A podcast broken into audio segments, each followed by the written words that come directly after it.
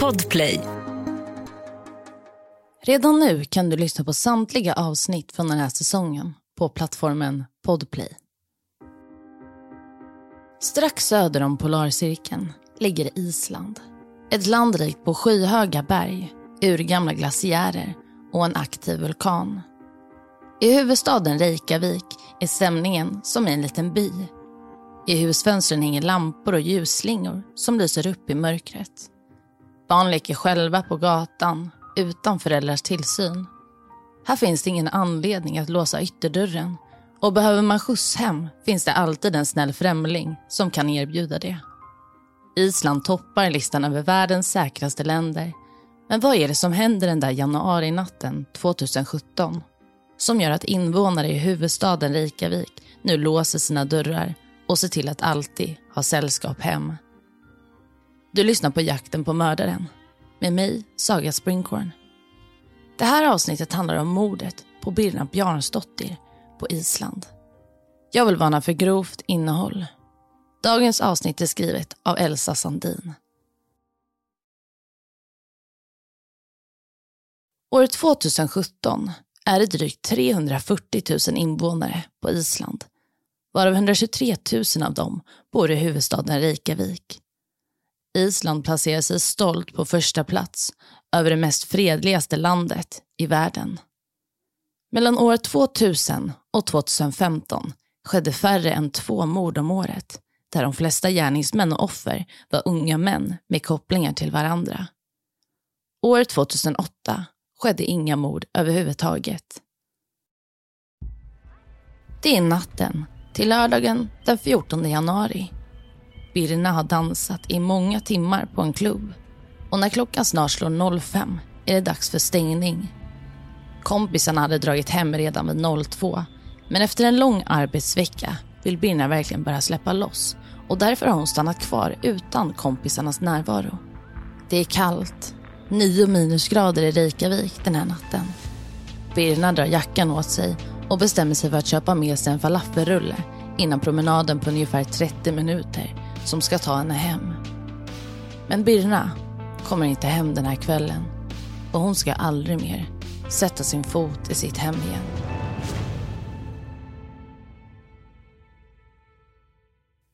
Birna beskrivs som hennes nära och kära som en snäll, rolig och härlig 20-åring. När hon inte hänger med sina vänner, lyssnar på musik eller är hemma med sin pappa jobbar hon som säljare i en butik. Och Det var just den butiken hon skulle jobba i lördagen den 14 januari.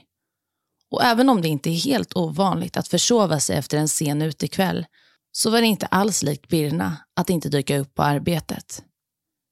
Kollegorna undrar vad Birna är. Hon var ju alltid i tid. En arbetskollega ringer till Birna, men Birna svarar inte. Och hon har inte heller varit aktiv på sociala medier sedan dagen innan. En arbetskompis, Maria, åker hem till Birnas pappa, där Birna bor, och ser då att hon inte är där och får information om att hon inte kommit hem efter gårdagens utekväll. Maria kontaktar Birnas mamma. Alla blir oroliga. Birna är vanligtvis ansvarsfull och berättar alltid för sina föräldrar vad hon ska göra och vad hon är. E. Något är fel. Och redan samma dag, den 14 januari, anmäler Birnas familj henne försvunnen. Ja, Birna är alltså försvunnen sedan klockan fem på morgonen lördagen den 14 januari. Hon har varken dykt upp hemma eller på jobbet, men än så länge misstänker man inte några större konstigheter eftersom att Birna inte haft någon historia av psykisk ohälsa, droger eller liknande. Och Hon har dessutom planerat en resa till New York tillsammans med arbetskompisen Maria som skulle ske inom två månader. Ja, det finns hopp och en tro om att hon har gått vilse eller träffat någon som har sovit över oss och att hon kommer dyka upp så småningom. Och senare samma dag, på lördagen, börjar en bild på en leende Birna cirkulera på sociala medier. Och Birnas mamma lägger upp ett Facebook-inlägg där hon ber allmänheten om hjälp för att hitta sin dotter. Och Det här inlägget får flera tusen delningar redan efter några timmar, vilket är ganska ovanligt i det lilla landet Island. Nu drar också polisutredningen igång på allvar. Och vill du se bilder från det här fallet så kan du gå in på min Instagram där jag heter Saga Springkorn och trycka på storybubblan Jakten på mördaren. Vi går vidare. Utredarna undersöker några övervakningskameror i närheten av klubben som Birna varit på. Och de får napp. Klockan är fem i halv sex på morgonen. Lördagen den 14 januari. Och Birna ses på övervakningskameror promenera på Legavus, Reykjaviks huvudgata, efter att hon lämnat klubben. Gatan är upplyst både av butiksfönster och gatlyktor. Och flera personer går förbi den vinglande Birna som är på väg hem. Polisen undersöker varenda övervakningskamera på gatan och Birna syns till en början överallt. Men plötsligt försvinner hon. Hon går förbi baren Lebowski och därefter är hon borta. Och ingen vet hur. 30 sekunder senare visar övervakningskamerorna en röd Kia som kör förbi i motsatt riktning mot vägen som Birna tog. Och nu väcks polisens intresse ytterligare kunde den där bilen ha något att göra med Birnas försvinnande? Birna gillade verkligen att prata, speciellt med engelska turister. Det har hennes mamma Silla berättat. Familjens och polisens första teori är alltså att det är möjligt att hon stannat och pratat med dem som satt i bilen och sen åkte med dem. Antingen det, eller så har hon gått från huvudgatan och ner på en sidoväg, bort från vägen som skulle ta henne hem. Men frågan är, vad Birna egentligen tagit vägen? Allt är ju än så länge bara spekulationer och teorier. Polisen försöker tyda bilens registreringsnummer från övervakningskamerorna, men lyckas inte på grund av den dåliga videokvaliteten.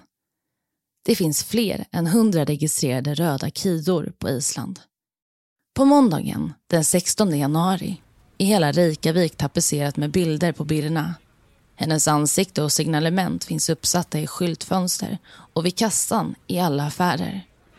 170 centimeter lång, cirka 70 kilo i vikt och med långt ljusrött hår bärande svarta jeans, svarta Dr. Martens-kängor, en grå hoodie och en svart fleecejacka.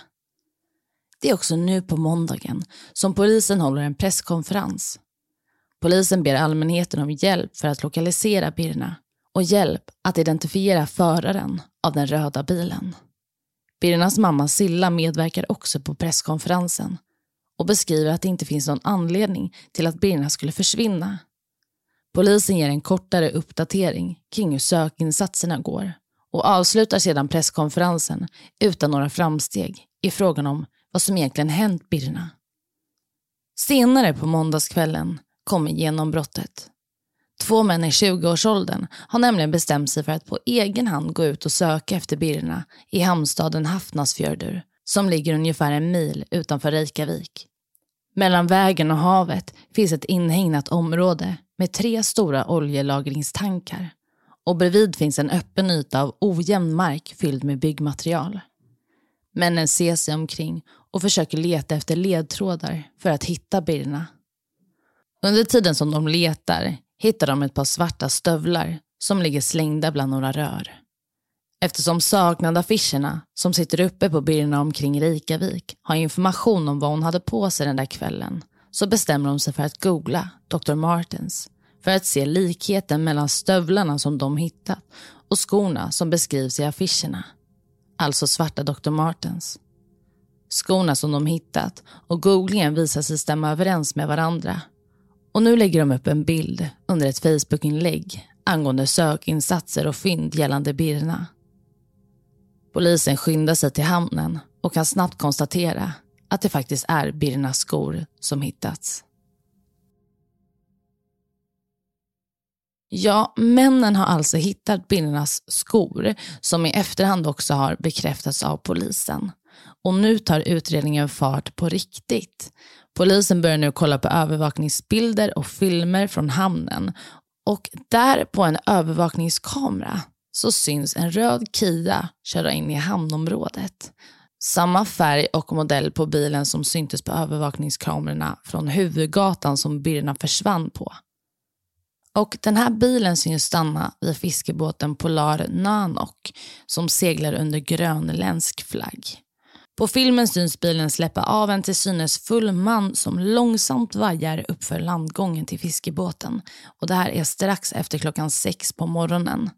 Sen syns bilen köra iväg igen och den här gången är kvaliteten på övervakningsfilmen så pass bra att polisen kan urskilja registreringsnumret på bilen. Det är också i samband med det här som polisen kan spåra Birnas telefon. Och man tar reda på att telefonerna stängs av med flit ungefär en halvtimme efter att Birna försvinner från övervakningskamerorna på huvudgatan. Dessutom i samma område som hennes skor hittats. En halvtimme efter att Birna försvinner är alltså klockan runt sex på morgonen, samma tid som bilen kör in i hamnområdet. Den röda Kian blir nu om möjligt ännu mer intressant. Polisen kan identifiera bilen som en hyrbil som har hyrts av en besättningsman på den här fiskebåten. Mannen hade lämnat tillbaka bilen på lördag morgon den 14 januari och kort efter det hade bilen hyrts ut till en familj. Polisen beslagtar nu bilen och intervjuar den här familjen som använt bilen. Och En av familjemedlemmarna beskriver hur den yngsta sonen som suttit i baksätet kommenterat på hur starkt det luktat av något kemikaliskt. Och mycket riktigt, när man undersöker bilen kan man konstatera att bilen verkligen luktar starkt av rengöringsmedel. Vi går vidare. Sökandet efter Birna fortsätter. Bland annat så anordnas den största sökoperationen i Islands historia. Över 700 personer runt om i landet erbjuder sig att frivilligt leta efter Birna. Man använder flygplan, helikoptrar, hundar och fyrhjulingar i sökandet. Samtidigt som sökinsatserna efter Birna pågår så fortsätter utredningen kring den röda kidan. Bilen hade hyrts ut till en besättningsman på fiskebåten, Thomas Möller Olsen, en 25-årig man från Grönland. Tekniker går in i bilen för att undersöka om det finns spår av Birna i den. Alternativt för att Thomas har försökt gömma genom att städa bilen både in och utvändigt. Teknikerna hittar blod i baksätet som tillsammans med Birnas DNA skickas till ett forensiskt labb i Sverige eftersom att Island saknar den typen av utrustning. Svaret kommer tillbaka som positivt. Blodet i baksätet matchar Birnas DNA. Utredningen utvecklas snabbt och nu vill man få tag i både personen som körde bilen och personen som blev avsläppt vid fiskebåten kvällen som Birna försvann. Problemet är att fiskbåten har åkt tillbaka till Grönland tillsammans med de misstänkta männen. De två misstänkta männen från övervakningsfilmerna är Thomas Möller Olsen, en 25-årig man som hyrt den röda Kian och hans besättningskollega och vän Nikolaj Olsen. Efter sitt besök på Island har fiskebåten åkt tillbaka till Grönland och allt verkar vara som vanligt på fiskebåten. Men sen får Thomas ett meddelande från en journalist på Island. Journalisten hade fått reda på att fiskebåten har en koppling till Birnas försvinnande Journalisten hade därefter letat upp en Facebookgrupp som tillhörde besättningen för fiskebåten. Och efter det hade journalisten hittat Thomas namn och kontaktat honom. Journalisten undrar om Thomas möjligtvis vet vem som hyrt den röda Kian. Och nu är stämningen på fiskebåten inte längre så god och lättsam. Thomas blir blek och börjar bete sig stissigt och nervöst. Han visar journalistens meddelande för sin kapten och undrar vad han ska göra. Kaptenen försäkrar Thomas om att han inte har något att oroa sig för om han inte gjort något fel. Journalisten gör bara sitt jobb genom att undersöka vad som hänt. Men det Thomas inte vet är att kaptenen nu börjar bli fundersam. Han läser i nyheterna att fiskebåten har kopplats till Birnas försvinnande och blir orolig att det kommer drabba honom. Han bestämmer sig därför för att segla tillbaka till Island. Men i samråd med både polisen och några andra besättningsmän så bestämmer de sig för att inte säga sanningen om varför båten nu vänder tillbaka mot Island till varken Thomas eller Nikolaj. Kaptenen skyller på att det är motorfel på båten och det är därför de måste tillbaka till Island. Kaptenen stänger nu också av wifi och skyller på att det är trasigt för att männen inte ska kunna läsa in sig på några detaljer kring Birnas försvinnande. Fiskebåten lägger till i hamnen igen och där möts de av ett dussintal isländska poliser. Poliserna griper de oförstående besättningsmännen Thomas och Nikolaj som båda nekar till något som helst brott. Och historien går som följande. Kvällen den 13 januari, samma kväll som Birna är ute med sina kompisar, är även besättningsmannen Nikolaj Olsen ute. Han hade tagit en taxi från hamnen in till Reykjavik. Han börjar sin kväll på en bar där han betalar 200 kronor för att snurra på ett lyckohjul där priset är åtta öl. Han vinner till sin förvåning och spenderar kvällen med öl efter öl i handen. När kollegan Thomas har kört sin hyrbil till Reykjavik från hamnen och möter upp Nikolaj på baren så har Nikolaj efter några öl för mycket somnat vid ett bord och båda männen blir utslängda. Männen hoppar in i Thomas röda hyrbil och syns på övervakningskameror köra runt i området kring gatan Legavus, huvudgatan.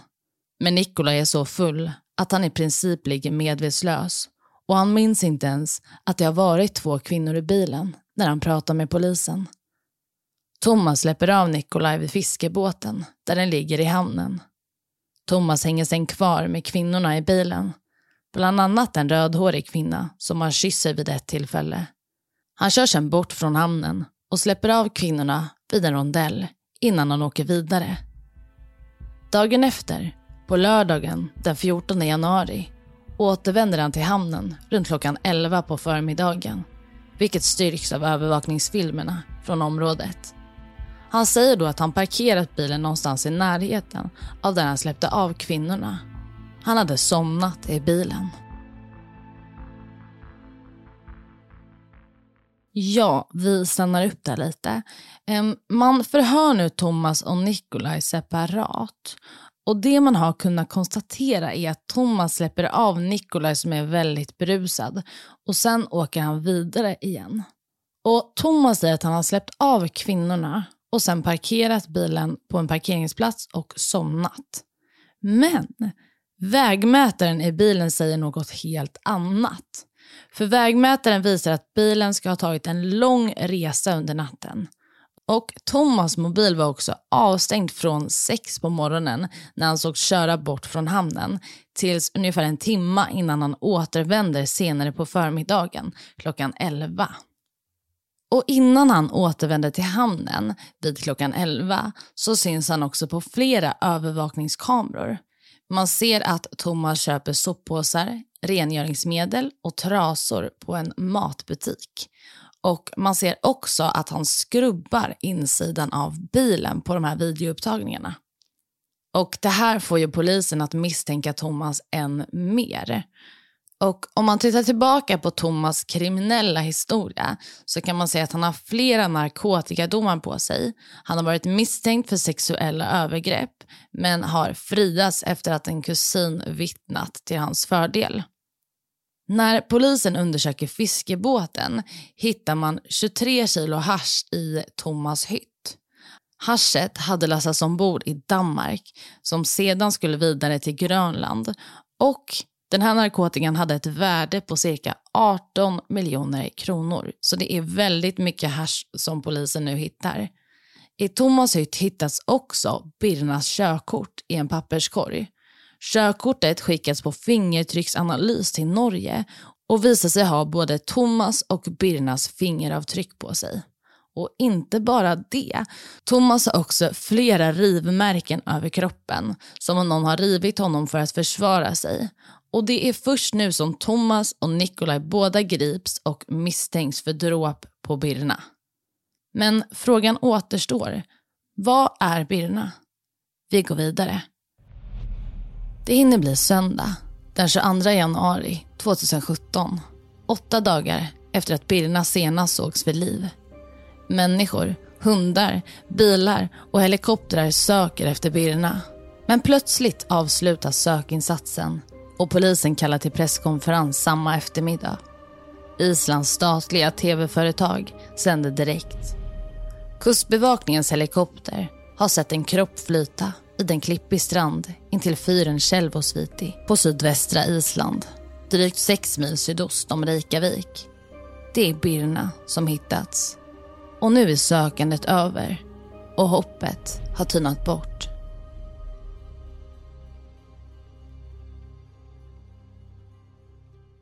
Polisens huvudteori är att Birna blev erbjuden skjuts och hoppade in frivilligt i den röda Kian. Den andra huvudteorin är att någon av de misstänkta männen dragit in Birna i bilen. Polisen tror sedan att hon mördats i bilen eftersom hennes DNA hittats där och att hon sedan kastats i vattnet. När obduktionen är klar framkommer det att Birna utsatts för kraftigt våld mot ansiktet.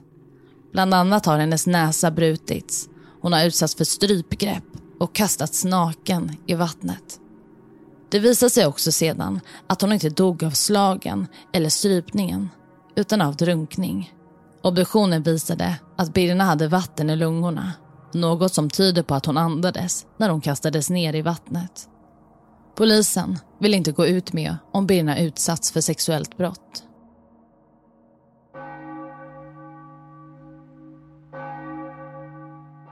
Den 3 februari hålls Birnas begravning och det kommer fler än 2000 personer för att sörja och lägga blommor på hennes vita kista. Familj, vänner, arbetskollegor och till och med presidenten är där. Det hålls minnesstunder på hela Island, både i huvudstaden Reykjavik men också i andra städer. Även Grönland håller minnesstunder i solidaritet.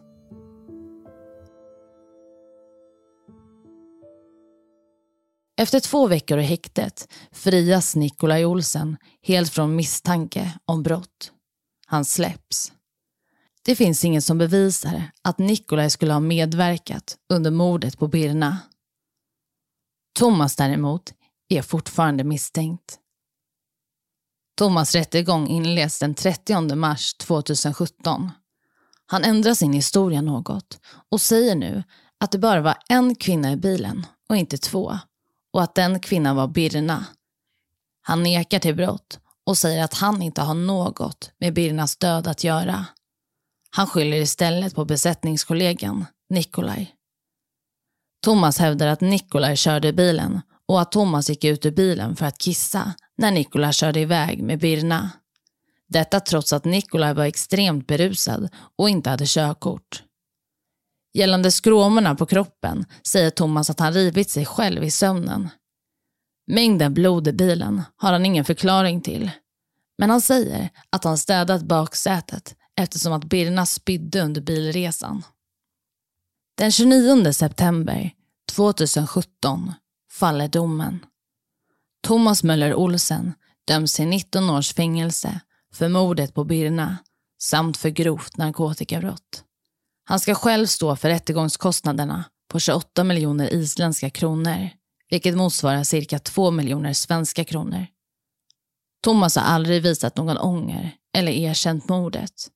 Thomas överklagar domen, men nekas en ny rättegång i februari 2019. Han avtjänar nu sitt 19 års långa straff i ett fängelse i Köpenhamn, då han inte ville avtjäna straffet hemma på Grönland. Än idag vet man inte varför Birna sig in i den röda Kian eller varför Thomas mördade henne. Och det var allt för dagens avsnitt. Tack för att du har lyssnat. I nästa vecka så berättar jag om ett fall där två barn kidnappas av en främling. Men det kommer visa sig att sanningen ser ganska annorlunda ut från vad man först trott. Mm. Och om du inte orkar vänta till nästa vecka så finns det här avsnittet redan nu publicerat på plattformen Podplay. Podplay, en del av